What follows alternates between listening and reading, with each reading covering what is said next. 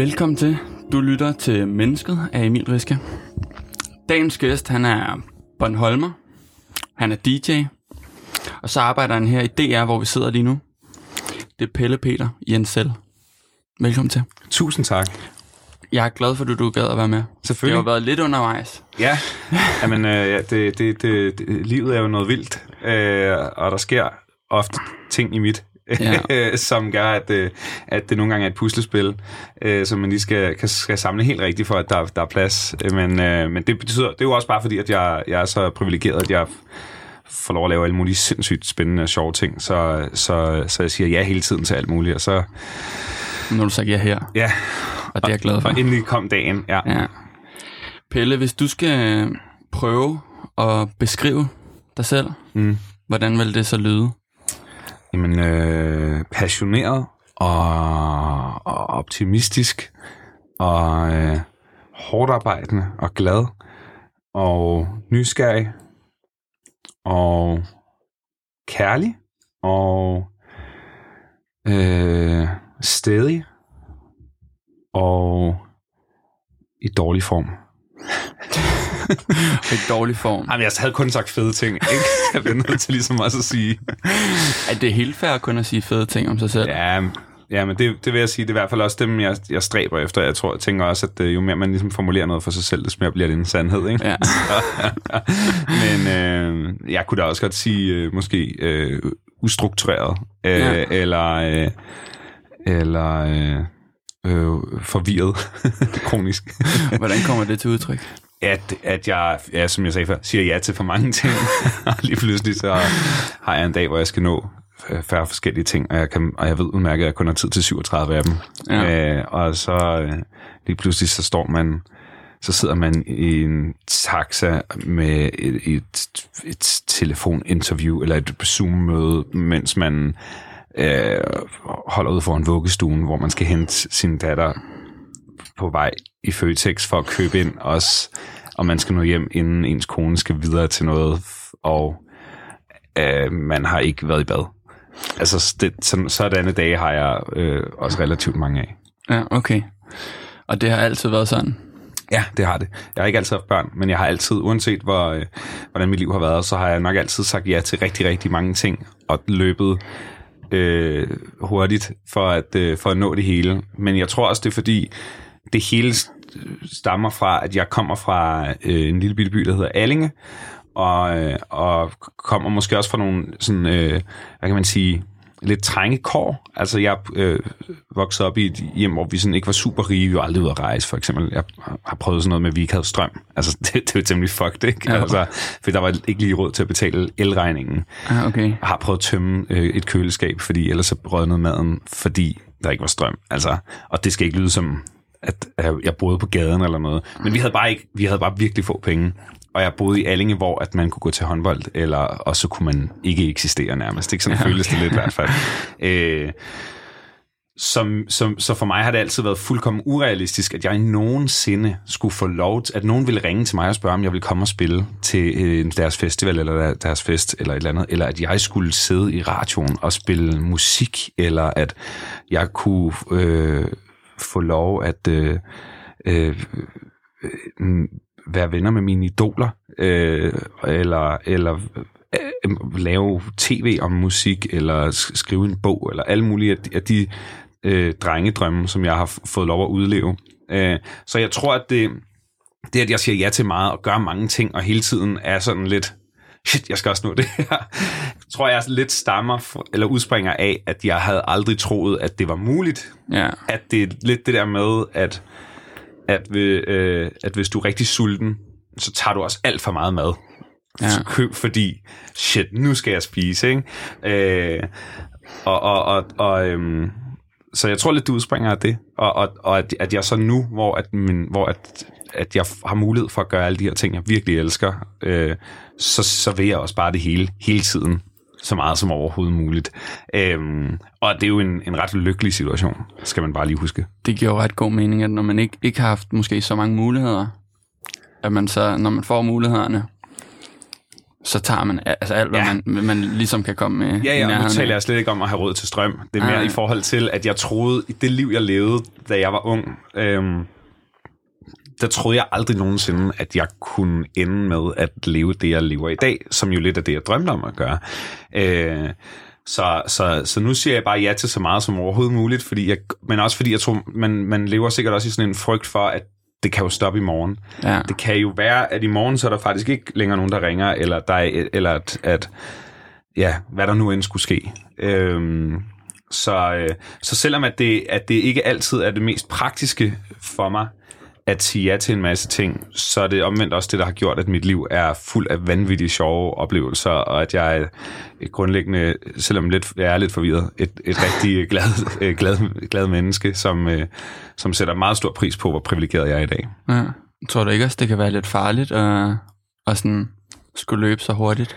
Jo, 100 procent. Altså, jeg, jeg, øh, jeg, jeg vil sige, jeg har da haft, helt sikkert også haft perioder, hvor at jeg har været stresset. Altså, ikke således, at jeg har været nede og fået en diagnose, men hvor jeg godt har kunnet mærke, nu, nu er det måske nu er det ikke så sjovt længere. Det går, og det er faktisk mest, når det går ud over øh, folk tæt på mig. Altså, hvis, hvis jeg bliver ved med at glemme aftaler, eller ikke få gjort det, vi, jeg skulle, eller jeg f- har svært ved at sove, fordi øj, der var også lige de der ting, jeg skulle huske at sende, eller øh, så bliver man jo ikke den fedeste person over for andre. Mm. Eller også, at jeg for eksempel, når jeg har været rigtig, rigtig presset, så når jeg har været ude og spille, så, øh, så kan den der drink, eller de der to-tre drinks, som jeg, som jeg optimalt drikker, de kan lige pludselig godt blive til 10, fordi så får man sådan naturligt sådan, ah, jeg skal lige, nu må jeg godt lige treat mig selv, jeg har haft rigtig travlt, jeg, nu tager vi lige en drink, ej, det må godt være dobbelt, og så bliver man brandstiv eller sådan noget. Altså, så kan jeg godt mærke, når jeg, når, når jeg ender i sådan en situation, så er det ofte fordi, at jeg har måske presset lidt for hårdt på, ikke? Ja. Men, men det er en, jeg vil hellere faktisk have lidt for travlt, end at have lidt for lidt at lave. Øhm, og har altid presset den, og har altid haft det i de mest ekstreme perioder af mit liv, sådan noget, hvor at jeg havde for eksempel nogle sommer, hvor at jeg sådan noget sendte morgenradio øhm, med, på, på, på DR i København, og så fløj jeg så til Jylland for at spille øh, Grøn Koncert eller nogle festivaler, og så fløj jeg så øh, hjem til København igen om aftenen eller om natten for at spille et, et natklubjob, og så stod jeg op klokken der 6 om morgenen for at lave morgenradio. Okay. Og jeg synes det var, selvfølgelig, det var hårdt, men jeg synes også, det var fucking fedt. Jeg synes, det var fantastisk. Tænk, at jeg kan leve tre drømme på en dag. Du kan kombinere det hele. Tænk, ja. at jeg i så lille bitte et land som Danmark øh, øh, med sandhed i stemmen kan sige, jeg, jeg bliver nødt til at flyve herfra og dertil, fordi nogen vil have mig til at komme og spille plader. Det er sådan noget, det, det er jo også lidt, lidt, øh, lidt barnligt og lidt naivt og sådan noget, men, og, og meget nuttet. Øh, men, men, men, men for mig var det også sådan en, så var det også virkelig sådan en, øh, når man sad der i, i taxaen fra det ene job til det andet, øh, så følte jeg mig også meget øh, realiseret. Meget, meget sådan, shit mand, tænk, at det her det er mit liv nu, og jeg får løn for det. Ja. Altså sådan nogle, så, så, øhm, så det, det er ikke fordi, jeg, jeg nødvendigvis tænker, at det her det er den sundeste måde, et menneske kan leve på. Men, men hold kæft, det, det er sjovt. Altså, nu hvor jeg så er blevet så pisse gammel, at jeg har fået en familie og to børn, og så er det jo selvfølgelig nogle andre ting, der også gør, at jeg løber stærkt. Ikke? Øh, og der er måske, altså der er, jeg kan jo ikke, jeg, jeg, jeg, får næsten, altså jeg kan jo ikke feste længere, jeg kan jo ikke drikke alkohol på den måde, som jeg kunne, da jeg var øh, den travleste DJ i, i, i byen, øh, og det er også rigtig dejligt, men så er det mere sådan noget med, åh oh shit, jeg skal nå tidligt op, fordi jeg skal afsted i vuggestue med, med det her barn, og så skal jeg videre til det her, det her, det her, det her, og så skal jeg bare nå at være færdig med det, jeg skal inden klokken 16, for der er der så er det Ja. tilbage til, til farrollen, og det er også mega dejligt, altså. Så øhm, Så det har givet mere struktur for børn. ja, totalt tvungen Tvungen struktur. Ja, ja, ja, fordi der er ligesom en ret naturlig deadline for, hvornår jeg skal være hjemme, og hvornår at jeg ikke længere kan stå og tale i telefon, eller øh, sige ja til et job et eller andet obskurt sted, øh, fordi det er mig, der skal sidde med babyalarmen derhjemme om natten, og sørge for, at, Ja. der, at familien sover. Øh, men det, det er jo også sundt. ja. Det er måske meget godt for sådan en som, som dig. 100 procent. Øh, og jeg vil sige, det var altså også, inden jeg fik børn, nåede jeg da også helt klart til et sted, eller nåede jeg til en modningsproces, der hed, måske er det, det er jo sjovt at spille hver aften. Jeg kan altid godt lide at DJ. Altid. Altså vidt lige om det er for tre mennesker, eller om det er for 30.000, og om det er for øh, en milliard millioner, eller om det er gratis. Det, det, det kan godt være, det jeg sænker min pris lidt, men, men jeg elsker intenst at spille musik for folk, øh, om det er i radioen eller som DJ. Øhm, men, men det, der fulgte med, i hvert fald i starten, da jeg begyndte at spille rigtig meget, var jo også, at hver eneste gang jeg var ude at spille, så var det jo også en tur i byen. Ja. Altså, så, så bliver din, din, din DJ-jobs til byture, så det var altid sådan noget med at drikke en halv flaske vodka, og hvis du spiller onsdag, torsdag, fredag, lørdag, øh, så, så lige pludselig så er du rigtig fuld rigtig meget.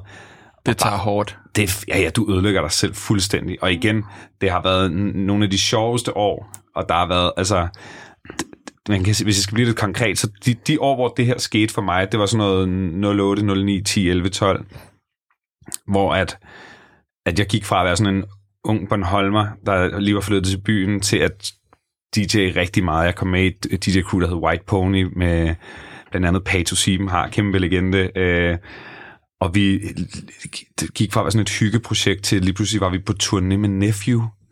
Ja, okay. øh, sådan noget, den mest, øh, hvad var det største, den slog rekorden for, hvor mange billetter, der man kunne sælge. Vi spillede fem aftener i træk i KB-hallen, hvor jeg havde så få penge, at jeg måtte gå til KB-hallen.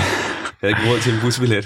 Så jeg gik til KB-hallen, varmede op, wow, kæmpe show, blev kørt ind til en efterfest, hvor jeg også skulle DJ, og så skulle jeg så gå hjem, for jeg havde ikke råd til en taxi hjem, eller sådan. Men det var jo et eventyr, til så at i de der 10-11 år, øh, øh, eller 2010-2011 deromkring, så lige pludselig kommer øh, alle drengene jo, øh, BOC, chef, hele den her bølge, og, og det er også fuldstændig fantastisk, og, og, og, og det, det, der, der sker bare noget med København i den tid, og det, det flugter meget godt med, hvornår, hvad jeg spiller, og hvad, hvad, hvad, hvad jeg elsker, og så vi har jo også en masse fuldkommen gyldne øh, oplevelser sammen på, på de mest bizarre steder og koncerter, og til at jeg så derefter bliver vært på P3, og vi laver det her program, der hedder Luxus, som sådan et weekendfestagtigt program. Men vi DJ'er også, fordi vi DJ's først og fremmest. Og lige pludselig så bliver vi booket til at spille grøn koncert tre år i træk. Og sådan noget med at stå foran 40.000 mennesker i Valbyparken. Jeg har aldrig udgivet en sang, men lige pludselig så er jeg et act på den måde. Og spille alle festivaler igen. Altså sådan, så jeg har... Så selvom at det er hårdt at være at drikke en masse drinks og være ude og spille rigtig meget, så er det også bare det sjoveste i hele verden at stå op og et eller andet sted i Danmark og blive kørt ud til en festival og leve drengedrømmen for sygt. Sammen med alle dine venner også, fordi når vi er færdige med at spille, så er det sandsynligvis nogle af vores andre venner, der skal spille bagefter, og ja. bagefter igen, og om aftenen så fejrer man og hygger sig og taler rigtig, har mange sådan nogle rigtige bro-snakke om, så kan du huske dengang vi, da du lånte 50 af mig, fordi du ikke havde råd til mad, og sådan, så nu står vi her og sådan noget, yeah, øh. altså, det, og det er, og det, det er jo på mange, det er jo også bare vildt smukt, hvis jeg kun havde, hvis jeg havde haft et job, jeg var ked af, og så drak rigtig meget, så, det, så tror jeg, at det havde været trist. Ja. Øh, hvor, og, og det er ikke fordi, jeg siger, at det ikke er trist at drikke meget, men, men her var det jo lige så meget, fordi man bare fejrede hele tiden, og man bare havde det fucking sjovt og levede sit, virkelig levede sit, sin levede drømme for vildt. Ja. Øhm, ja, men det, og, og jeg vil sige, jeg lever ikke drømmen på samme måde i dag. nu er det en anden drøm. Er du sindssyg, mand? Meget vigtigt lige at... Ja. Det. Men hvad tror du, at det Pelle på Bornholm havde sagt til, til, til det liv? En musiknørd. Jamen, jeg tror da, han havde... Øh, altså, jeg er jo en lige så stor nørd nu, som jeg var dengang. Mm. Øh, men jeg tror da, han havde været... Jeg tror, han havde besvimet. Helt ærligt. Jeg tror simpelthen, at han var begyndt at græde, eller et eller andet. Øh, fordi det, det, det var noget andet, der følger med. En ting er, at man får lov at spille musik, men lige pludselig bliver du også ophøjet til et eller andet. Og jeg var aldrig den seje i min klasse, vel? Ja. Øh, og jeg var heller ikke, jeg blev overhovedet ikke mobbet, eller var sådan, altså det, det er slet ikke en, en trist historie om... Men min, du spiller bare ikke håndbold? Nej, jeg begyndt til det jo, fordi ja. ellers så var det jo, så, ellers så var, blev man ikke inviteret til fester, men jeg var vandbærer. Ja, okay. Altså for real, jeg var den eneste vandbærer på det niveau i Danmark, øh, fordi jeg var sådan, jeg vil gerne være med på holdet. De var sådan lidt, du må også godt være med på holdet. Du kan ikke spille håndbold. Nej, jeg kan ikke spille håndbold. Men hvordan kan jeg ligesom blive en del af, af, af det fællesskab? Ja, netop. Så var sådan, altså, lad mig, ja, så bag, så bag vand. Det, det er cool, det er fint. Og så blev det jo bare en joke, sådan, så når vi, hvis vi førte med 10, vi havde et ret godt hold, NH, Nordbornholms håndbold. øh, når vi så førte rigtig meget, så blev jeg nogle gange skiftet ind, så var jeg ligesom en ydmygelse. Så sådan, åh oh shit, de skifter ham der øh, boldspaden ind. Så, så, øh, så vidste de godt, vi er fucked. Hvis, hvis de skifter ham der idioten ind, der helt tydeligt hverken kan kaste eller gribe, så er det fordi, de pisser på os. Ikke? Så det var sådan noget med, at nogle gange så fik jeg lov at komme ind, og så øh, skyde straffe, eller jeg har også engang, jeg har, og så hvis jeg så scorede, hvilket jo sjældent skete, men når jeg gjorde, så blev det sådan nogle fodboldjublinger. Altså ja. i håndbold, der jubler man jo ikke, der løber man ligesom ned, og så forsvarer man. Hvis jeg scorede, så var det sådan noget med... Alle over til dig. Ja, ja, trøjen over hovedet, og folk lå i bunke og sådan noget, og så kunne de bare løbe op og score, og vi førte det. Altså det er sådan, men det siger noget om, hvor stor en, en, en, hvor dårlig jeg var til håndbold. Men det betød jo også, at jeg i hvert fald måske ikke var den allermest fætterede i, i skolegården og sådan noget. Det betyder jo rigtig meget for, for et hvert ung menneske, at føle sig som en del af noget. Så, og, og musik var overhovedet ikke sejt, der hvor jeg kommer fra. Øh, så gå fra det til lige pludselig at, at, at vende sig til, at, at folk synes, man er altså måske meget mere cool, end man egentlig er, eller, eller ser op til en, eller vil have taget billeder, eller de skriver, åh, totalt inspirerende, eller øh, jeg, jeg hører det her hele tiden, du laver, eller altså alle sådan nogle der oplevelser. Det er jo også en, en, et sygt trip, ikke? Øhm, så, så hvis jeg havde fortalt det til den Bornholmske dreng, øh, der sad ude på bænken, øh, så, så, så, så, så tror jeg simpelthen ikke, at jeg havde kunnet begribe det. Hverken det med de store oplevelser, altså sådan noget som at spille Roskilde Festival, eller øh, Royal Arena, eller alle de der fuldstændig ud af kroppen psykopatiske oplevelser, jeg har haft. Men, men lige så meget det der med, at du skal bare, den status, du får, er lidt noget andet end den, du har nu. Det, det, det, det, det, det bliver lidt vildt. Ja. Og det er jo ikke fordi, at jeg er Christoffer, eller, øh, eller i nærheden af, jeg er jo ikke Tobias Rahim, men Nå, når, man, altså... men når du starter så langt ned på stigen, som jeg gjorde, så de skridt, jeg har taget op, det de, de, de, de, de, de er et forholdsvis stort spring.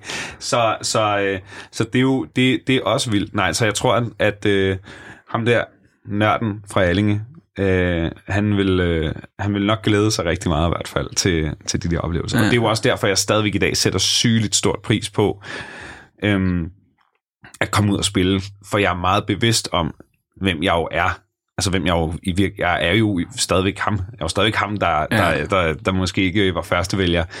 Øh, og, og det ændrer sig jo ikke. Altså, det er jo ikke sådan, at man lige pludselig bliver ligeglad med så at komme ud og spille, eller tænker, at det der bare givet, selvfølgelig sker det bare, må jeg alt nu. Ja. Så, øhm, så nej, det er, det er jeg vildt glad for, både i dag, og, og, og det havde helt sikkert også været, hvis jeg lige kunne tage tidsmaskinen tilbage. Ja. Jeg tror faktisk ikke, jeg vil sige det til mig selv. Jeg tror, jeg vil fuck mig selv op. Jeg tror, det vil det så, så er du stået ude på, øh, på bænken og været helt oppe, oppe at stege over, at øh, bare vent. Ja, ja. ja. men selv dengang, jeg prøvede jo at gøre alt, hvad jeg kunne, der havde med musik at gøre. Så selv på, på håndboldholdet, så spurgte jeg, må jeg ikke lave en intro til håndboldholdet? Altså må jeg ikke gøre sådan, så vi, når vi løber ind, så gør vi det til noget sej musik eller sådan noget. Og så fik jeg lov til det. Så sagde de, det kan du godt. Og så skaffede jeg en røgmaskine og lånte en, øh, og en, og en projektør jeg lånte en røgmaskine fra det lokale brandvæsen, som de brugte til, til at lave brandøvelser. Nej. For jeg tænkte, det ville være så sejt ud, hvis håndboldholdet kom løbende ud af sådan en røgsky. Ja, ja. Så fik jeg slukket lyset i hallen, og så, fik jeg, så tændte vi de der projektører, og så skulle jeg, men jeg kunne jo ikke være alle steder på en gang, så jeg havde fået en anden til ligesom at sætte musikken på. Og det, det de skulle løbe ind til, det var Tour Unlimited. Og det var det store opgør.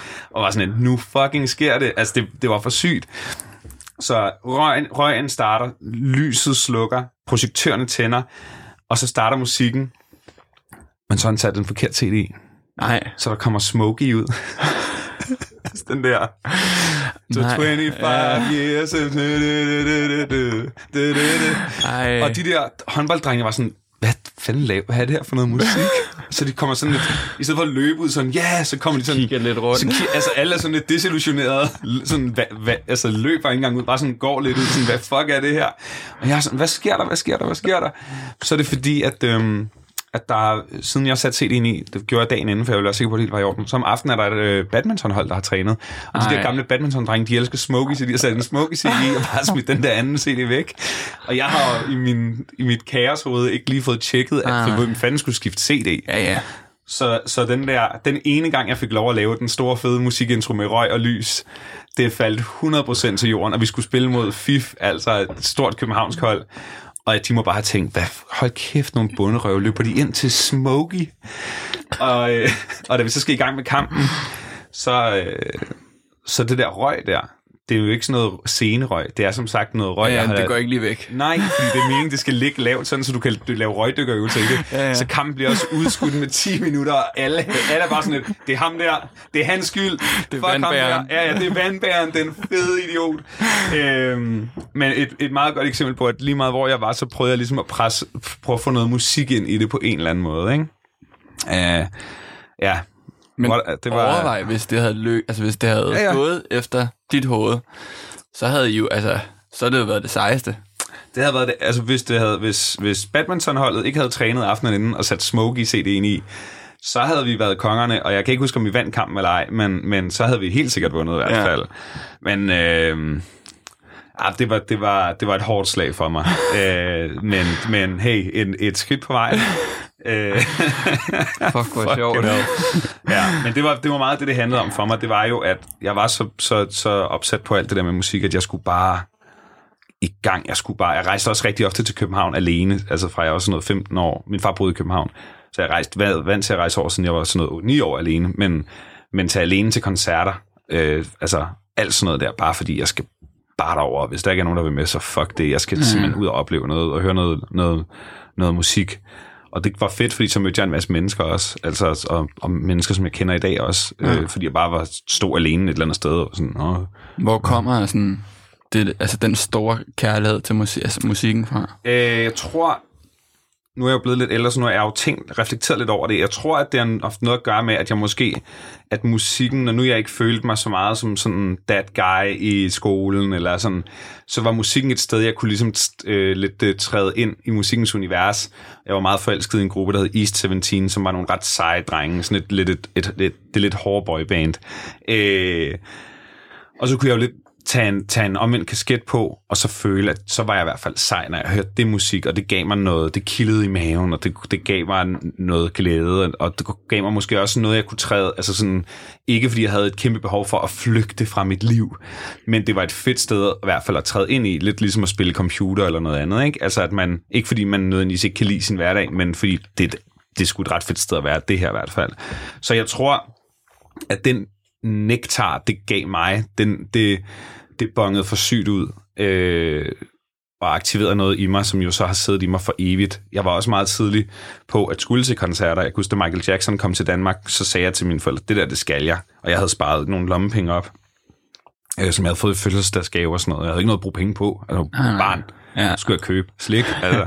Så jeg havde, jeg kunne huske, jeg havde 400 kroner eller sådan noget. Det tror jeg lige var nok til en Michael Jackson-billet dengang.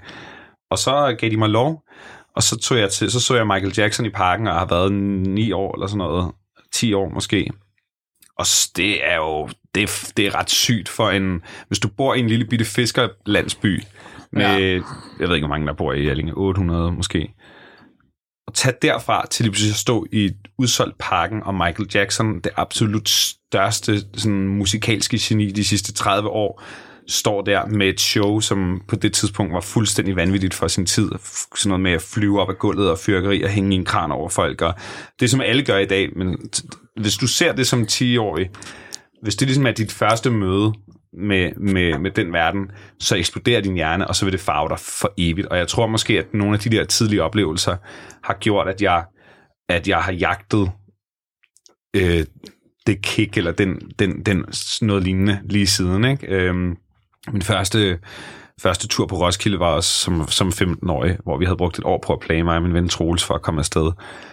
Og det var meget sådan et, ud fra en idé om, at, at musik var lidt kikset der, hvor jeg kom fra, men jeg kunne forstå, at i, på Roskilde Festival, der er der altså 100.000 mennesker, der har det ligesom mig, ja. Hvor musik er det vigtigste. Tænk at være et sted, hvor andre synes det også. Fuck, hvor sygt. Så da jeg kom derover, var det også bare sådan en, okay, det skal nok gå. Jeg er ikke alene. Der er, vi er flere, Andre der har det sådan her. Yes. Øhm, Udover så også at opleve nogle helt vilde koncertoplevelser. Ikke? Så jeg tror, jeg tror, at det, er, at det selvfølgelig har været, at jeg, at, at musikken for mig har været mit helle, eller mit øh, happy place, eller et sted, hvor jeg i hvert fald har dyrket øh, dyrket noget glæde. Øh, mine forældre blev også skilt ret tidligt, så jeg tror øh, sådan helt psykoanalytisk, at, at, at når nu jeg ikke ligesom havde den der faderfigur, der vandrede rundt i mit hus, øh, så kan det godt være, at vi talte i telefon hver dag, og jeg så ham øh, øh, hver måned og, og sådan noget, men så, så, så lige pludselig så finder du jo så nogle, noget sejt, eller noget mandigt eller maskulint i nogle andre steder. Det var for mig også i musikken, ikke? Ja. Øh, øh, selvfølgelig også derfor, at jeg hører en masse super afstumpet rapmusik i dag, og så videre. Men, men så jeg tror, der er mange sådan små forklaringer, der gør, at, at musikken blev, blev mit sted. Og det kunne i princippet have været, hvis jeg var begyndt til håndbold, lad os sige, meget tidligere, så kunne det jo godt have været sport i stedet ja, ja. for, ikke? Så det er slet ikke for at tale håndbold ned. Det var bare, jeg, jeg startede bare lidt for sent. Og derfor blev, og, og så tror jeg, at min, min familie var måske, gik nok lidt mere op i musik end, end i håndbold. Så derfor blev det det, der, der var min vej. Men der er jo også noget over, at, at musik er jo ikke på den måde konkurrence, øh, som håndbold er. Og hvis man så er den dårligste til noget, og så har et sted, hvor man kan gå hen, hvor der ikke er nogen konkurrence. Ja. Altså, det er jo også... Jamen 100, og, og bare at... Øh, men også bare, at jeg fik en syg glæde af det. Altså, jeg fik så sygt meget... Jeg kunne sagtens sidde, når jeg, hørte en ny, når jeg købte en ny CD, som var øh, en stor, det, man gjorde dengang, og jeg skulle tage en bus 25 km for at købe en. Altså, altså det er sådan et projekt, ikke? Så kunne jeg sagtens bruge altså, de næste to uger på at lave det. Altså, det var det, jeg lavede. Høre CD'en. Ja. Altså, det var ikke sådan noget med, så hørte jeg den, mens jeg gjorde andet. Så kunne jeg, jeg kunne bare lægge høretelefoner på, lytte. Og så lytte til detaljerne, og hvad den der tromme, og sindssygt, at det der lyd kommer ind der. Hvad er det der? Hvordan har de gjort det? Og så når den var slut, så starter den forfra. Og så når det, den var slut, så starter den forfra. Altså, jeg har brugt hele dage på at høre altså et album. ja. Og det, og det var, og det var, gav mig rigeligt. Altså, det var slet ikke sådan, at jeg tænkte, nu har jeg også hørt det, eller nu videre. Ah nej, det var, det var... så var jeg inde i, i, så var jeg i zonen på en eller anden måde, ikke? Ja. Øh, har du, har du, du har taget en ting med? Jeg har en ting med. Kan vi... Øh... Jeg tænkte meget over det. Jeg blev bedt om at tage en, tage en ting med, og så sådan, hvad fanden skal jeg tage med? Og det er alt muligt.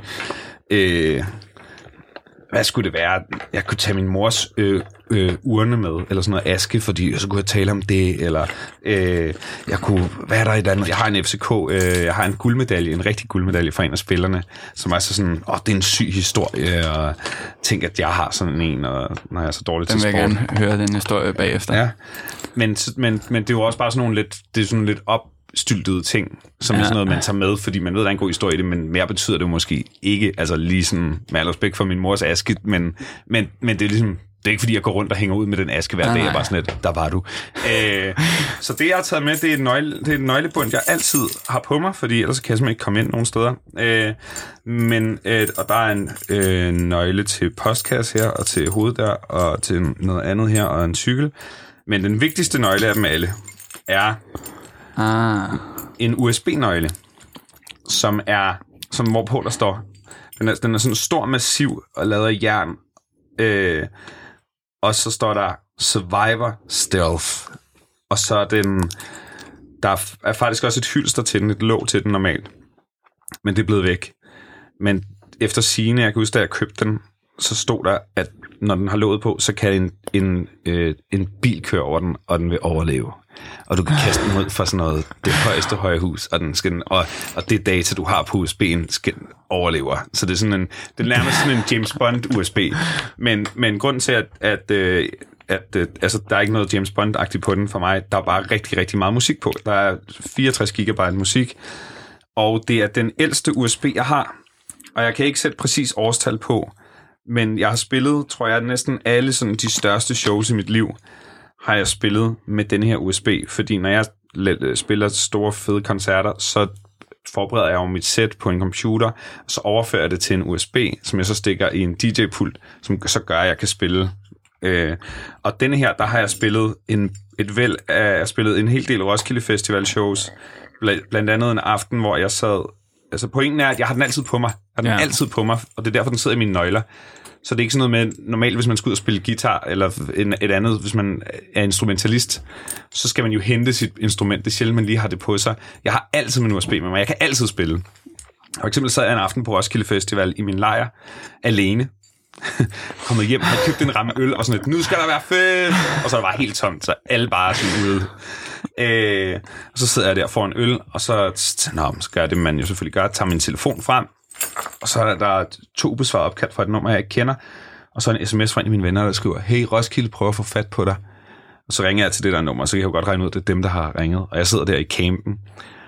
Og så er det Stefan fra Roskilde Festival, som Geising, kæmpe legende, som så siger, hey, uh, Chance the Rapper har aflyst. Kan du, kan du spille på Cosmopol om 45 minutter? Og så sidder og du med den der. Jeg, så, selvfølgelig kan jeg det. Jeg har jo min USB med mig. Øh, okay, okay. Hvornår kan du være her? Så jeg, kan, jeg, jeg er nede i campen nu, så jeg løber bare. Så kan jeg vel være hos jer oppe ved scenen om 20 minutter. Og så, så bunder jeg min øl. Og jeg tror endda, jeg tager en til med mig. Og sådan lige, hej, okay. Og så lige sådan, jeg skal simpelthen spille Cosmopol i stedet for Chance the Rapper om 40 minutter. Der er ingen, der ved endnu, han er aflyst. Han er, han er i Danmark, han er bare ondt i maven, han kan ikke spille. Ja. Så spurgte jeg op og til scenen, og de er sådan, der er han, ind med, altså sådan, det, det, det, det, det virker, der er det faktisk lidt James Bond-agtigt, fordi det er en nødsituation, ikke? Ja. Og så siger de, så går de op, øh, jeg tror jeg er der 20 minutter, inden jeg skal spille, så 10 minutter inden, at Chance the Rapper skulle have gået på, så går de konferencerende ind, og så folk begynder at juble, der er proppet til. Der står 15.000 mennesker, og de begynder bare at juble for sygt, fordi når konferencerne går på, så er det jo fordi, så, man det at, så er der koncert ja. lidt, ikke? Og så er det som om, de ligesom kan læse af konferencerernes ansigt. Det er som om, de går ind med et, med et lidt sørgeligt ansigt på, sådan lidt mm, undskyldagtigt ansigtsudtryk. Fordi jeg kan bare høre, før de overhovedet når at sige noget, så kan, går den der, ja, yeah! til at være sådan, nej, nej, buh, buh. Altså før de overhovedet har sagt, han er aflyst. Det er som om, at de som bare står, sorry. Nej. Og så tager de mikrofonen og siger, Uh, we are very sad to inform you that uh, Chance the Rapper uh, has gotten sick, so therefore we... Og de er bare sådan, du, så kan du ikke høre mere. Så bliver de bare buet i stykker. Ja, ja. But instead we have the fabulous uh, Mr. Pelle, uh, et eller andet, uh, who will play a DJ set. Og folk var sådan lidt, fuck det lort! Hvilket jeg 100% forstår. Klart. Og igen, t- uh, lige inden jeg så skal gå på, og jeg står bare der med en DJ-pult, de har fremskaffet, og min fucking USB. Og så siger de det igen og teltet er nærmest tomt, og, og dem, der er der, det er folk, der ikke har forstået, det er dem, der lige er kommet, fordi de tror, nu er det Chance Rapper. Og de, de ved ikke, at han er blevet aflyst. Nej, så de, de får ligesom, endnu en gang sker fuldstændig det samme. Den her gang, så er det bare mig, der står der, når de ligesom har sagt, her er han. Og jeg, og jeg bare, det gør ondt i maven, ikke? fordi det er bare lort. Men det er også fedt. Jeg, er bare sådan, prøv, jeg ved, det er Roskilde Festival. Hvis bare du brager igennem, så skal der på, så på et tidspunkt, så alle dem, der skulle have set Chance Rapper, de er smuttet eller også er de blevet det, de er velkomne. Men så du kan jo trække folk til. Ja. Alle kender det der med at være på festival, og så gå forbi et telt og tænke, hvad fuck sker der der? Lad os lige gå ind og tjekke. Ja. ja. Og, og ganske rigtigt, altså jeg brager bare op. Fyre den af. Jeg spiller pissehård øh, dansemusik, elektronisk hård musik. Øh, og så begynder folk bare at komme til, og der kommer flere og flere. Det fede er så, at øh, Roskilde har ud over at ringe til mig, så de ringet til alle andre, de også kender, der ligesom kunne være i nærheden. Så lige pludselig så øh, var fanden der far, for de er på vej i en bil fra København. Så lige pludselig kommer Kaka ind, han er på festivalen, så han spiller et på nummer. Så kommer Wafande og farfar ind, og de, er blevet sådan, de får, får lov at køre igennem pladsen i en bil. Altså, de, og de har kørt stærkt. Øh, så spiller de, så har de fundet Linkobarn over en bar lige ved sådan af, sådan, hey, er det ikke der, der er Linkobarn? Ja. Jo, vil du spille derop nu? Ja, ja. Godt, kom. Så spiller, kommer Linge ind. Simon Jul er også på pladsen. Jeg tror han faktisk, han er sammen med Linge. Så han kommer også ind og bare sådan lidt er der. Så lige pludselig så er vi bare sådan en familiefest af øh, farfar og Fante, Linkoban, Simon Jul, øh, og, og, og mig, der brager igennem, og så ender det små, altså vi ender med at have et fuldstændig proppet til, hvor folk går fuldstændig amok, fordi de forstår, hvad, hvad er det, der sker her? Vi er ikke programsat dem, de kan bare se alle de der mennesker, som de kender, øh, og, og, og, og så er der fest, og det var jo aldrig sket, hvis ikke jeg havde haft min USB i lommen. Ja. Og den har reddet os så mange gange med både luksussets og mine egne sets, hvor vi har købt nye USB'er, som så lige pludselig ikke virker. Vi skulle spille en anden koncert, hvor vi var på live på tv og live i radioen. Altså, så vil sige, akkumuleret måske en halv million mennesker, der skal opleve vores show. Så derfor skulle vi virkelig have styr på det. Vi har Medina med, og LOC, og konfetti, og ild, og pis og lort. Og to minutter inden vi går live på fjernsynet, så kommer vores øh, scenemand ned og var sådan, der er ingen USB'er, der virker. Der er ingen af de nye, der virker. Og så op af lommen trækker jeg sværet og siger, Jonas, Jonas, tag den her, min dreng. Og så sætter han den i, og så sådan noget 20 sekunder inden, at vi går på DR, så kommer han ned sådan, den virker, den er der. Og så og så spiller vi hele sættet på den her gamle, og, og jeg ved ikke, om, altså man kan jo ikke høre det, øh, hvor, hvor slidt den er, men den, den, I kan godt se, at den er temmelig smadret, ikke? Altså, ja.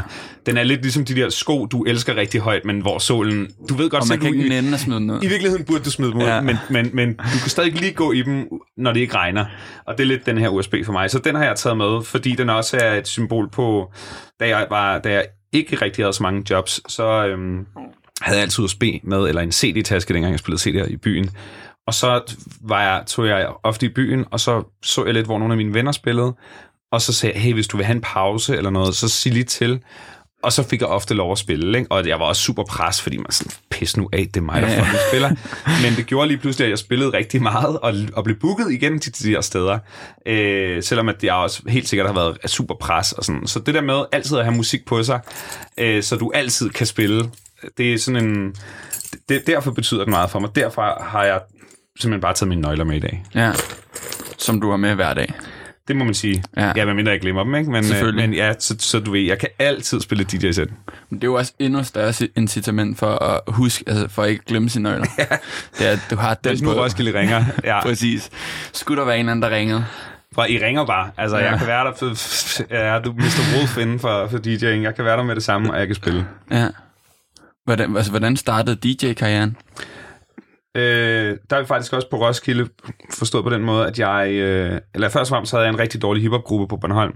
Vi hed The New Generation. Lækkert navn. Så lækkert navn. Det er altså rigtig godt navn, ikke?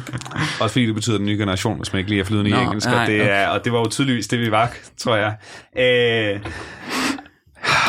jeg, og jeg kunne simpelthen ikke tage det seriøst, at jeg skulle rappe. Jeg havde prøvet lidt, jeg vandt for eksempel øh, Funk Shows rap konkurrence på P3, som var sådan en lidt for sjov rap konkurrence.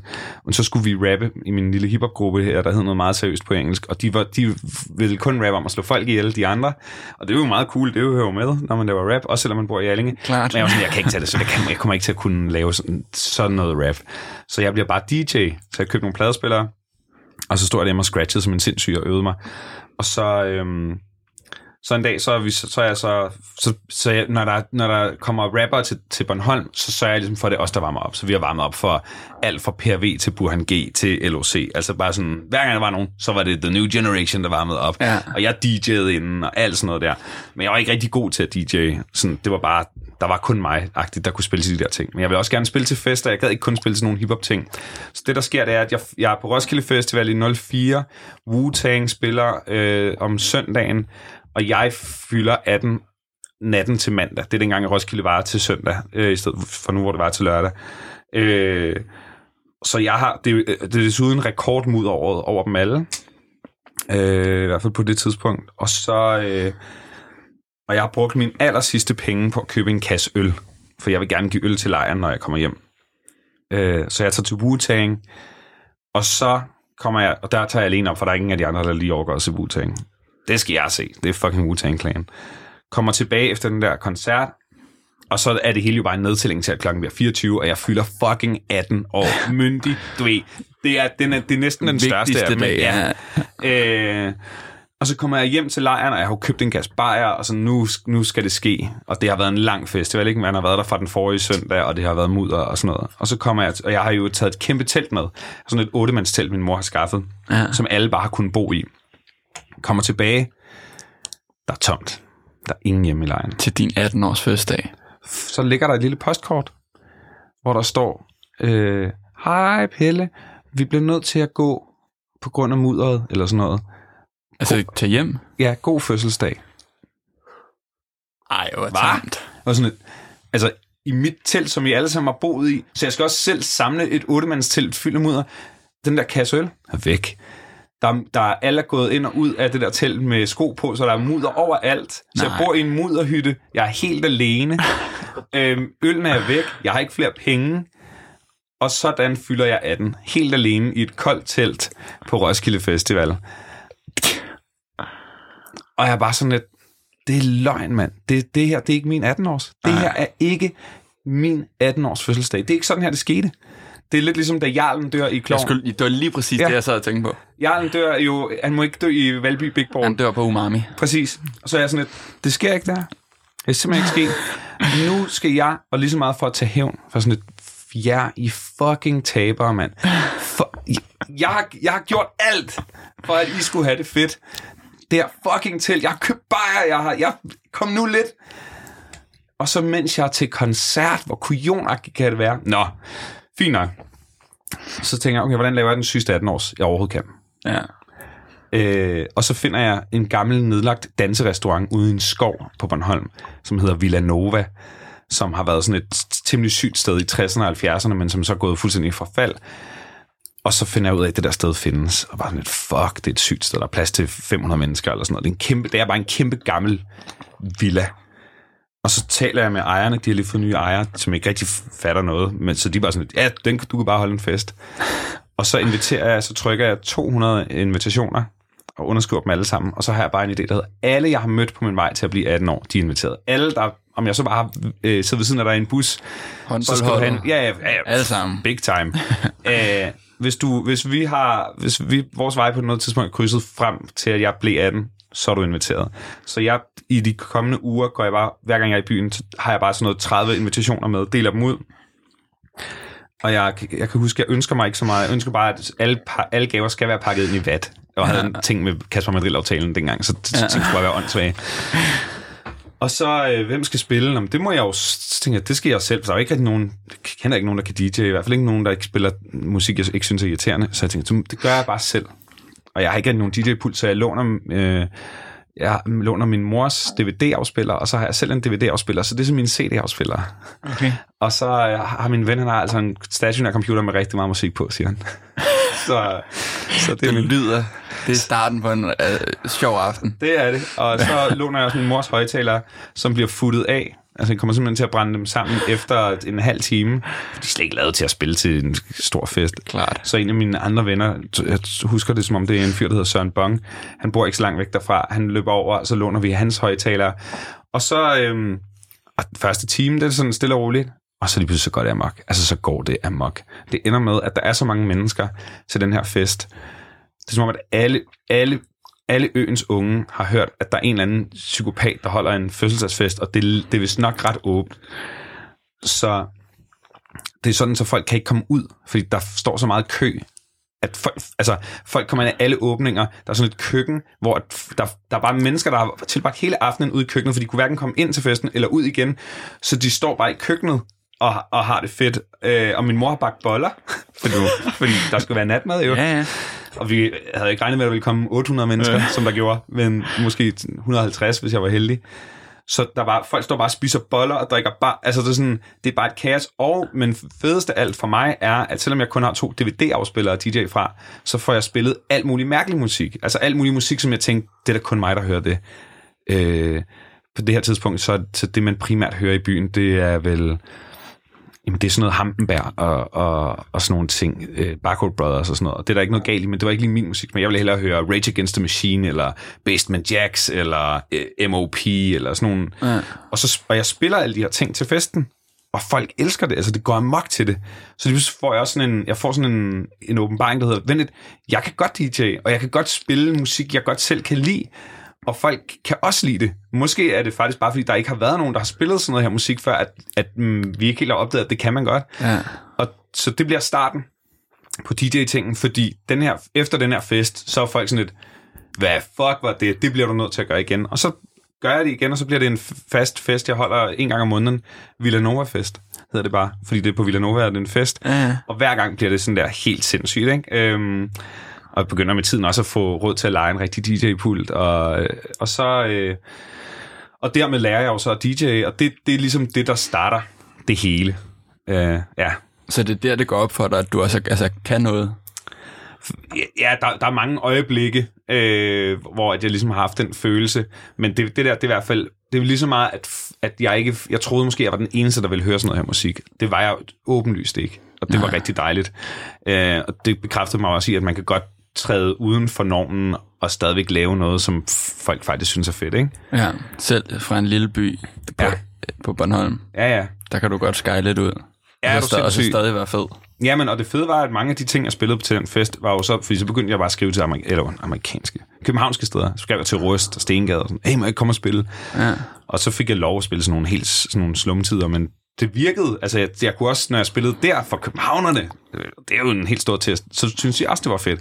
Så det var, det var, det var mega vigtigt for mig, at, at jeg blev efterladt alene i den lejr der efter Wu-Tang, fordi det gav mig den der benzin, der var sådan, at jeg skal kraftede med vise dem, de fucking tabere, vi har selvfølgelig, altså, så var, de var alle sammen med til festen, det var helt cool, Ja, ja. Men, men, men det gjorde ligesom, at jeg tænkte, jeg bliver nødt til at at omprogrammere min 18 års. Det her, det bliver min 18 års. Og det var en fucking fed 18 års. Det jo så fedt. Ja, det var Fuck, hvor er det nice. helt magisk. Ja. Øhm, de ting, altså du har jo med musik at gøre, arbejder med musik, hvilket også er din helt store passion. Altså, det virker til, at alt, hvad du ligesom laver, der er det, altså der, der er der passion i det. Ja. At, tror du også, at det er det, der gør, at for eksempel, at du kan løbe hurtigt? Og, altså, er det meget vigtigt for dig at lave noget, som er noget, der betyder noget for dig?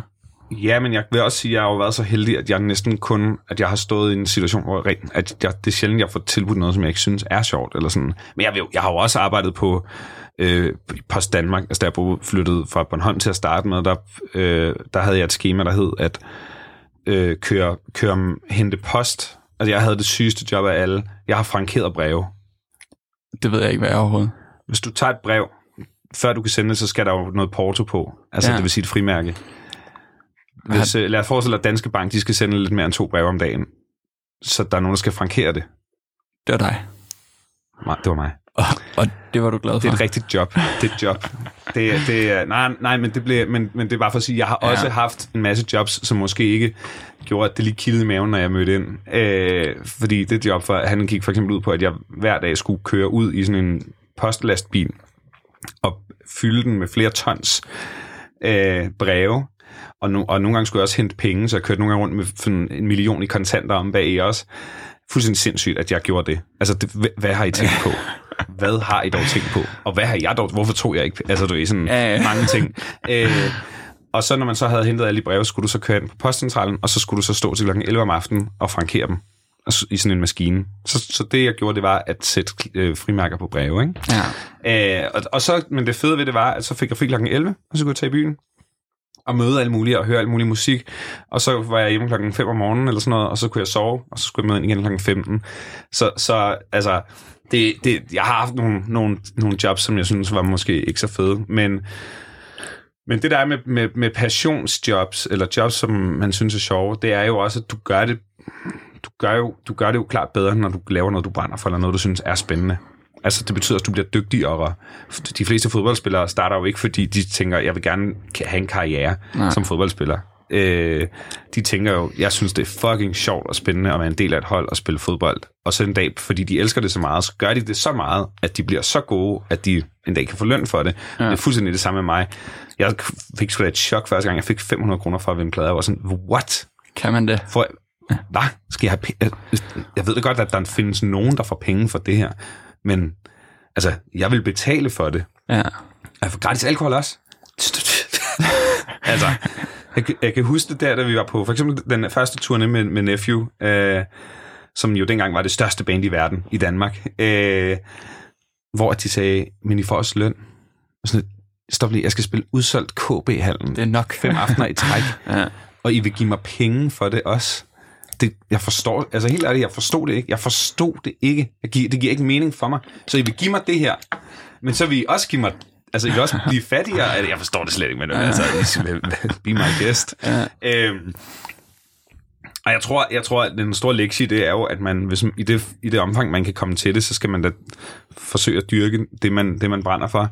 Øh, og så kan det godt være, at man halvdelen af tiden skal arbejde på, øh, på Post Danmark eller, eller, eller et andet sted, som måske ikke er ens decideret drømmejob. Øh, men, men så længe at det giver plads til, at man kan lave noget, man elsker. Og så kan det være det, man elsker, om det så er at øh, hvad det hedder, at tage ud og tjekke fly, øh, eller det er at lave lær, eller øh, løbe, eller et eller andet. Men så kan det være, at du en dag, fordi du elsker det så meget, har gjort det så meget, bliver så god, at, at du kan gøre det endnu mere, og faktisk måske næsten komme til at leve af det en dag. Ja. Det er jo det, er jo det lykkelige ved min situation. Øhm, men der er fandme også meget der er mange af de ting, vi har lavet de sidste par år, altså mange af de her podcast-ting også, som vi jo har, og nu siger vi, fordi dem er jeg jo slet ikke alene om, ja. hvor jeg der ved, vi alle sammen på holdet har, har arbejdet er sige en del mere, end vi får løn for, fordi vi bare synes, det er så fedt, og fordi vi rigtig gerne vil have, at det bliver godt. Ja. Og det er det jo så, øh, synes jeg selv i hvert fald, meget af det også blevet. Og, og, og det åbner jo så nye døre for, at man kan lave noget andet, og så videre, og så videre, og så videre. Så, så ja, passionen er helt klart en nøgle til både at, at, at være glad for det, man laver, men også at det, man laver, bliver bedre, end hvis man ikke brænder for det. Ja. Jamen, ja. Truth bump. Jamen, det bam. Nu er jeg vinder. Bam. Det er det. Nej, øhm, og du har jo ret stor indflydelse på, på dansk musik. Det tror jeg, jeg tror det er lidt overdrevet. Jeg tror, at, jeg tror, at, at jeg, folk har indtryk af det, helt du sikkert. personificeringen af, af, af. DR's, øh, ja, Men det syge, præcis. er, det syge er, jeg sidder jo ikke i musikudvalget, for eksempel. Jeg har ikke Nej. siddet i playlistudvalget i tre år, tror jeg, måske mere. jeg, jeg, øh, øh, jeg sender for eksempel heller ikke radio lige nu på P3. Altså sådan, men det er som om, at, at for hver dag, der går, der tror folk, tror folk, at jeg har endnu mere magt eller et eller andet. Det eneste, jeg egentlig har gjort, som jeg har gjort konsekvent igennem min radiokarriere, og stort set alt, hvad jeg har lavet, også før jeg var i radioen, det er jo, at når jeg har fundet noget musik, jeg synes er mega fedt og mega spændende, øh, så prøver jeg at vise det til folk. Så, Men, så da, når jeg kun har DJ'et, så hvis jeg har fundet noget musik, jeg synes var for sygt, så er jeg bare sådan, det her skal, åh, jeg glæder mig til at spille det her. Jeg glæder mig til at se, hvordan gulvet reagerer. Og når du så lige pludselig sidder i radioen, oven i købet i et job, hvor, hvor at, øh, din opgave er at introducere folk for ny musik, så har, så har det jo også været, været benzinen for mig at, at finde nye navne eller nye ting, som jeg synes er spændende eller gode, og så prøve at smide det i radioen, og så forhåbentlig resonere det med en masse mennesker derude, og så kan det være, at, at folk selv begynder at lytte til det. Ja. Øhm, så, så på den måde har jeg, har jeg helt sikkert for nogen givet det et skub, men jeg tror, jeg, jeg har svært ved at pege på det navn, som ikke af sig selv nok var blevet stjerner, selv hvis jeg ikke havde siddet og trykket play et eller andet sted. Nå, men helt klart, men altså, som vi snakkede om, inden vi startede det her, altså, man kan ikke købe sig til, til stil. Og øh, du har jo god stil, ja. så det er jo sådan en blåstempling af Ja, ja men det er jeg glad for, du siger, men, ja, men, øh, og, det, og det, det er også rigtig fedt. lige meget om, om det ikke er dig, der har valgt Ja. med musikken, men kan du følge mig? Jamen, jamen 100 procent, og jeg tror, for mig så har det for tidligt, altså, jeg, jeg er selv meget inspireret af, hvordan jeg blev taget imod, da jeg flyttede til, til, til Storbyen, fordi der blev jeg virkelig taget under vingerne, øh, og, og det betød rigtig meget for mig, at få den oplevelse. Altså, den første, første gang, jeg, der har jeg vel været sådan en 16 år, jeg var en meget stor Malte Coin-fan, så laver Blaze fra Malte Coin et nyt band, der hedder Big Stock, og det fulgte jeg med for jeg fulgte slavisk med i alt, hvad Malte Coin-drengen lavede. Og så bliver Big Stock lige pludselig lidt en ting, og jeg begynder at skrive rigtig meget ind på deres øh, øh, forum, fordi jeg har det som om, der er nogen ligesindede derinde. Der er i hvert fald nogen, der jeg kan så, altså, tale med om musik. Og så en dag, så skal øh, Big Stock, de holder release party. De udgiver en plade. Og det gør de på Robert Up Sundays på Stengade, som sådan en helt slummet øh, spillested. I dag er det i et lidt bedre stand og sådan noget. Dengang var det virkelig altså et beskidt, mørkt sted med lavt til loftet, og så hver søndag var der en kæmpe reggae- og dancehall-klub, og det var altså før, der var dancehall i radioen. Det var beskidt jamaikansk dancehall, og det var altid 40 grader varmt, og folk røg tung, dårlig hash indenfor, og drak rom rent, og så blev der bare spillet jamaikansk musik, og alle havde dreadlocks og sådan noget. Og der tænkte jeg, der skal jeg over. Det der, det må jeg være en del af. Big Stock udgiver ny musik. Og så tager jeg, jeg kan huske, det var i påsken eller sådan noget, for der var, det var fuldstændig umuligt at få en billet på Bornholmerbussen til København. Så jeg, øh, så jeg sn- bliver nødt til at snyde mig med færgen. Hvordan det? Så jeg tror, der var en skoleklasse, hvor jeg bare lod sådan lidt som om, at jeg var en del af dem. Og, sådan, dyt, dyt, dyt, dyt, og så kom, gik jeg bare ombord. Uh, Øhm, og da jeg så kommer til Sverige, så skal jeg jo så videre fra Sverige til, og der igen laver jeg lidt den samme, bare sådan i forvirringen, fordi der er så mange mennesker, så øh, undskyld, jeg skal lige øh, ind til, ind til min mor, eller et eller andet pis. Og så kommer jeg til København, og kommer hen til, og jeg har jo ingen penge, så jeg, jeg kan huske, jeg havde råd til sådan noget Sex King, øh, og det er ikke en dårlig øl, øh, men det var ligesom kvoten for aftenen, og så kommer jeg hen til Stengade, og klokken er 11 om aftenen, øh, eller sådan noget, og der er bare 1000 km lang kø, fordi Big Stock er ikke længere sådan et undergrundsprojekt, det er lige pludselig fået et hit.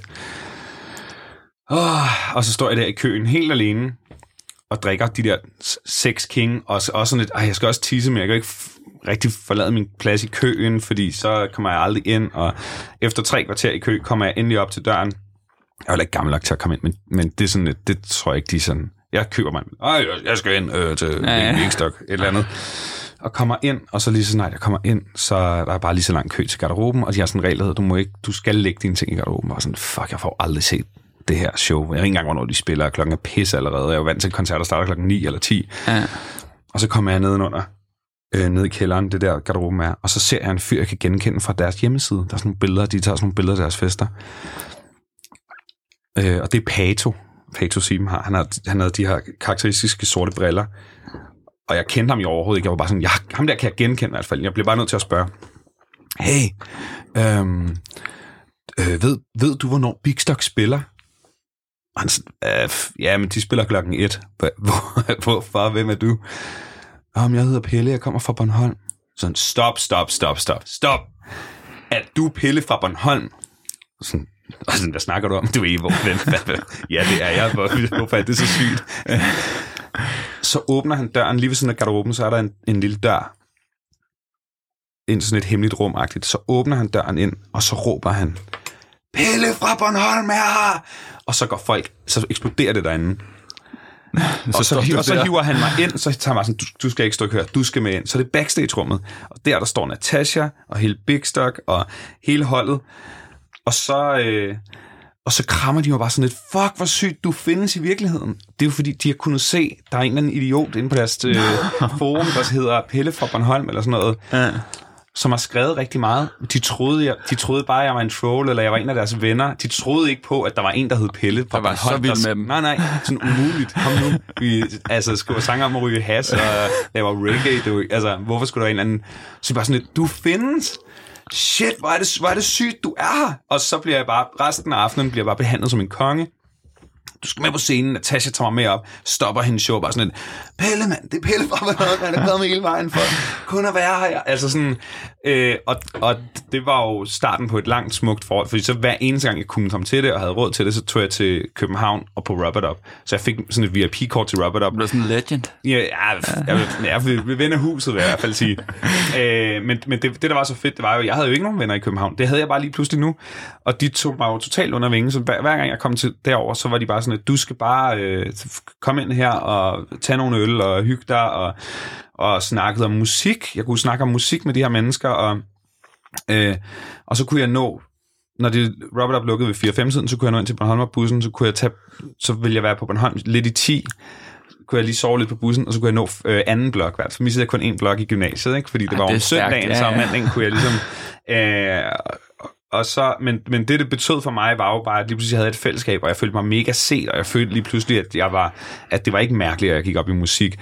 Så, så når jeg ligesom øh, har prøvet at give folk et skub, eller sagt, du gør noget rigtigt, bliv ved med det, eller spillet folk i radioen, også selvom de måske ikke har haft den perfekte radiosang endnu, så er det lige så meget, fordi jeg er ret bevidst om, at det kan være det, der gør, at nogen tænker, fuck det, så giver jeg det sgu et skud. Altså, så, Ja. så, så lad os lige tage den, lad os lige prøve igen. Øh, altså, det, og det, det, det tror jeg er sindssygt vigtigt, at man har nogen, der, der, der giver en chancen, eller, eller siger, at du er god nok, eller bliv ved. Bliv for guds skyld, i hvert fald uanset hvad, bliv ved med det, du gør. Ikke? Ja. Tobias Rahim er jo et sindssygt godt eksempel. Han var, ham spillede vi allerede i Luxus i 2012, og han var med i Karrierekanonen også, og, og, og blev ved. Og i dag går det okay. Altså, Det kan man godt sige. Øh, og det, og det, det skal jeg i hvert fald ikke tage æren for, men det, men det er sjovt at se nogle af de der mennesker, som man har, har, er stødt på undervejs, og som man har forsøgt ligesom at og sådan, ikke hjælpe, hjælpe, for jeg vil aldrig hjælpe nogen, der ikke var gode nok, men ligesom sige, det, prøv at vise det til andre, prøv at tjekke det her, hvor fedt det er. Og det kan godt være, at folk ikke lige fatter det med det samme, eller de er Ja. ikke helt altså, er klar endnu, men, men så meget desto federe er det så, når de lige pludselig øh, ligger nummer et en dag, eller spiller i parken, eller sådan noget, ikke? Altså, det, det, Men det kræver netop bare en person ude fra en cirkel, nærmest, til at sige, det er fedt. ja. Og man så er sådan, nå okay, så, så fortsætter altså, Ja, så hvis, så hvis du siger, at jeg giver, at, at, mit, at det, at jeg spiller nogen eller sådan noget, er, fungerer som et blåstempel, så er jeg jo glad for det. Ikke så meget af, hvad kan man sige, øh, min egne sådan selvfedsfølelsesagtige øh, hensyn, men fordi at så betyder det, at den magt eller kraft eller status kan jeg da i hvert fald bruge til at sige til nogle mennesker, åh, oh, du skal bare blive ved, det er for fedt, det du har gang i. Ja. Øhm, fordi Danmark er også så lille et land, at der, der er for mange gode til for få pladser. Altså sådan er det bare. Ja. Der er simpelthen for meget god musik til, hvor, hvor vi er jo en by. Altså sådan indbyggertalsmæssigt er vi jo, er vi jo så små. Så der, der vil aldrig være, alle dem, der har fortjent at leve af det, kommer ikke til at leve af det. Men de må bare ikke give op, for en dag kan det være, der er plads. En dag kan det være, at de er blevet så gode, at de skal, at de skal i gang, ikke? eller ja. det, det sker. Så, og den største tragedie vil bare være, hvis de sagde, så jeg stopper bare med musik. Ikke? Øh, fordi det er også, der er alligevel ingen, der gider at høre det. Ja, nej, men der, der er jo altså, er det andre, de, hvor gamle er de? Andreas Oddbjerg og Tobias Rehm er jo ikke de helt unge. Nej, nej, netop. Så det er jo fedt, Og de har begge to været i gang sygt længe, ikke? Ja. Øh, eller, øh, det er der jo rigtig mange af, af folk, der, der har klaret den, der, der har, altså... Øh, Minds var også, Minds of 99 var jo også øh, lige omkring de 30 har været i gang i, i 10 år hver især, ikke, med at lave musik, da de ligesom lavede Minds noget, ja. og begyndte at få deres gennembrud. Øh, øh, nu har jeg talt godt nok rigtig meget om Nephew, men Nephew var også et band i 10 år, gik faktisk i opløsning, ja. før de så lige pludselig lavede deres, det første succesalbum. Medina havde et par år, hvor at ingen rigtig ville røre ved det, før hun lige pludselig blev altså, den absolut største popdronning, vi har haft i, jeg ved ikke, siden hvornår. Øh, Rasmus Sebak lavede musik i i hvert fald 10 år, før at han lavede Engel. Altså sådan, det, det, det, det, ideen om, at du, du, du bliver en stjerne overnight, kommer kun fra et eller andet øh, sådan mellemunderholdende tv-program. Det er, ja. ikke, det er ikke en sandhed derude. Man skal, man skal kæmpe. Altså, Gilly har jo også lavet musik i tusind år, før han faktisk blev det her kæmpe, kæmpe navn. Han lavede mærkelig undergrundstrap, og altså, det, det, det, sandheden om, at du, at du bare bliver stor overnight, og du så har en karriere, den, den findes ikke, så derfor skal man bare blive ved.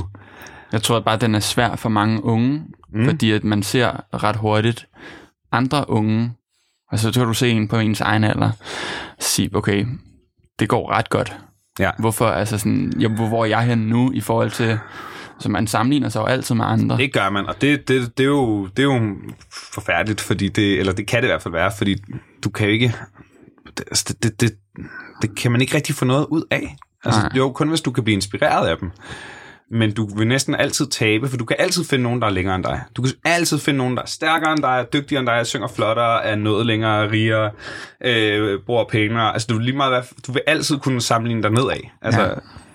så, så hvis man skal gøre det, skal man i hvert fald bruge det proaktivt eller positivt, eller bruge det til at sige... Som inspirerende. Ja, og hvis man så, og det er noget, jeg har lært af min kone, hvis man hele tiden bliver øh, eksponeret for mennesker, som gør, at man tænker, åh, jeg er bare her. Jeg er jo bare, arbejder jo bare i Post Danmark, og jeg frankerer breve, øh, mens hele verden er derude og får deres eventyr i gang.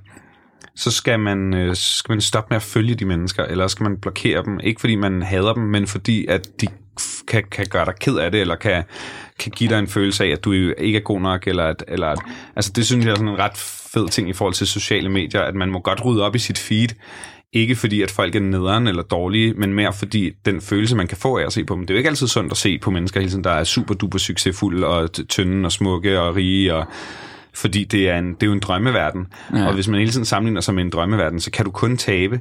Så hvis det gør dig ked af det, eller føler, gør dig, du føler dig utilstrækkelig, så, så, så sluk det der i dit feed, fordi det, det giver dig ikke noget godt. Ja. Så, så må man, så, ja, det, det er en helt færre ting at gøre, synes jeg. Helt sikkert.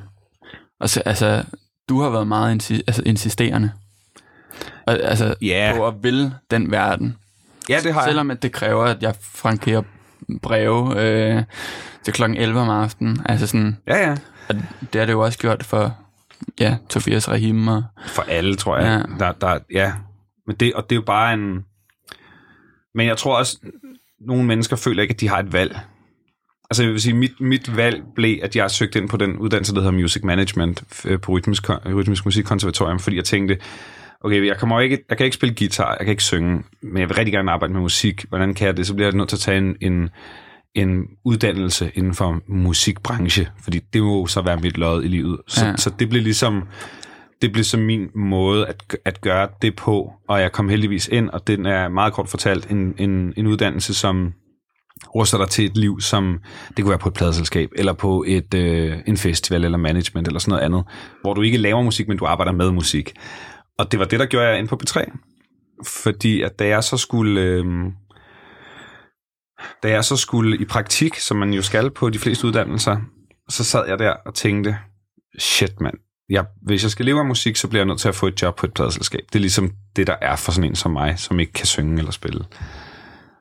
Øh, men hvis jeg skal arbejde på et pladeselskab, så, skal jeg, så bliver jeg nødt til at forstå, hvad et hit er. Fordi hele musikbranchens anatomi er bygget op omkring hits. Det er ligesom det, der får der til at køre ja. rundt. Ja. Og hver eneste gang, jeg tænder for radioen, så tænker jeg, hvad fanden har I gang i? I er ja. fuldstændig sindssyge, at de spiller det lort. Det er jo... Og det er jo de største hits, jeg tænkte derom. Ja. Jeg var sådan lidt, der er noget galt her med, med mig. Eller der er i hvert fald, hvis jeg skal arbejde på et pladeselskab, så bliver jeg i hvert fald, det kan godt være, at jeg ikke behøver at elske det musik, men jeg bliver, nødt, jeg bliver nødt til at få en forståelse for mekanismerne bag et hit. Hvad er det, der gør, at det her nummer er blevet et hit?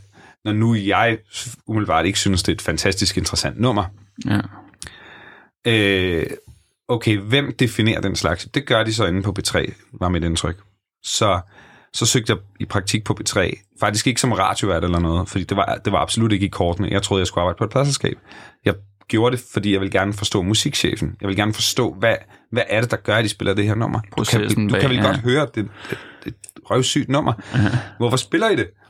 Og, og der vil jeg så sige, så fik jeg også en... en jeg kom jeg jo heldigvis i praktik herinde på en uh, musikredaktion, eller på et program, der hedder Smag på P3, sammen med min uh, elskede ven Nikolas Kawamura, som har været på det program, og lige Gammeltoft.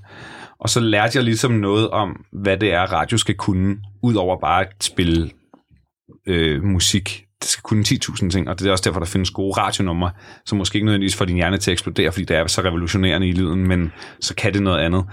Men da jeg så havde været herinde i et halvt år i praktik, og både fået en forståelse for det, og, og, og en respekt for popmusik, øh, og i dag er jeg jo et helt, altså i dag elsker jeg så meget af det, som jeg slet ikke forstod dengang. Og det handler jo egentlig meget om det, at ville forstå nogle ting. Uanset om det er undergrundsmusik, eller om det er popmusik. Hvis du ikke vil forstå det, så så er det svært, men, men det, lærte jeg ligesom.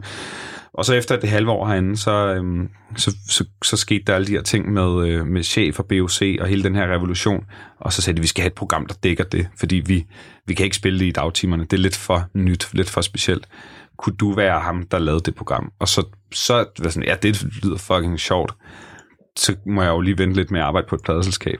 Ja, ja. Til at starte med arbejdede jeg også lidt sideløbende på et sådan en lille bitte plads. Altså sådan, jeg havde aldrig tænkt nå, nu skal jeg være radiovært, nu skal jeg lave radio. Altså aldrig. Nej. Jeg troede hele tiden, jeg skulle arbejde ude i den anden del af, af musikbranchen. Og så voksede det jo så bare, ikke? Altså det herinde, og nu, det er efterhånden ja, 12 år siden nu, ikke? At jeg startede ja. i praktik herinde. Så, øhm, så ja, det, det, jeg har været vedholdende, og det har altid handlet om, om musik. Øh, og, og, men jeg har aldrig haft en plan for, at jeg skal være DJ og radiovært, eller jeg skal stå på de her scener, eller jeg skal det her. For mig har det bare handlet om, okay, det, jeg kan ikke arbejde på Post Danmark for evigt. Jeg bliver nødt til at få en uddannelse. Okay, jeg skal i praktik, hvis jeg skal arbejde ude i musikbranchen. Når så ender jeg på radioen. Okay, jeg får mulighed for at lave et radioprogram. Så bliver jeg radiovært. Nå, men nu, nu bliver det her radioprogram også til DJ-ting.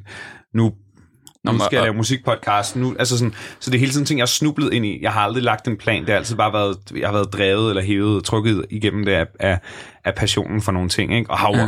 heldigvis så også med tiden fået lov at lave alle mulige ting, der ikke har noget som helst med musik at gøre. Øhm, som jeg jo også synes er sindssygt spændende, fordi jeg laver altså andet end at høre musik og tale om musik og tænke i musik. Men det har jo meget været det, mit, hvis man skal tale om sådan noget, brand har været. Ikke? Ja. Um, så, og, så, så ja, det, det, det, jeg har været vedholdende, men jeg har ligesom også følt, at jeg ikke har haft nogen mulighed for andet. Altså jeg har ikke haft et alternativ. Jeg har ikke tænkt, det er det her, eller også så bliver jeg kok, for jeg kan også godt lide at lave smørbrød, eller ja.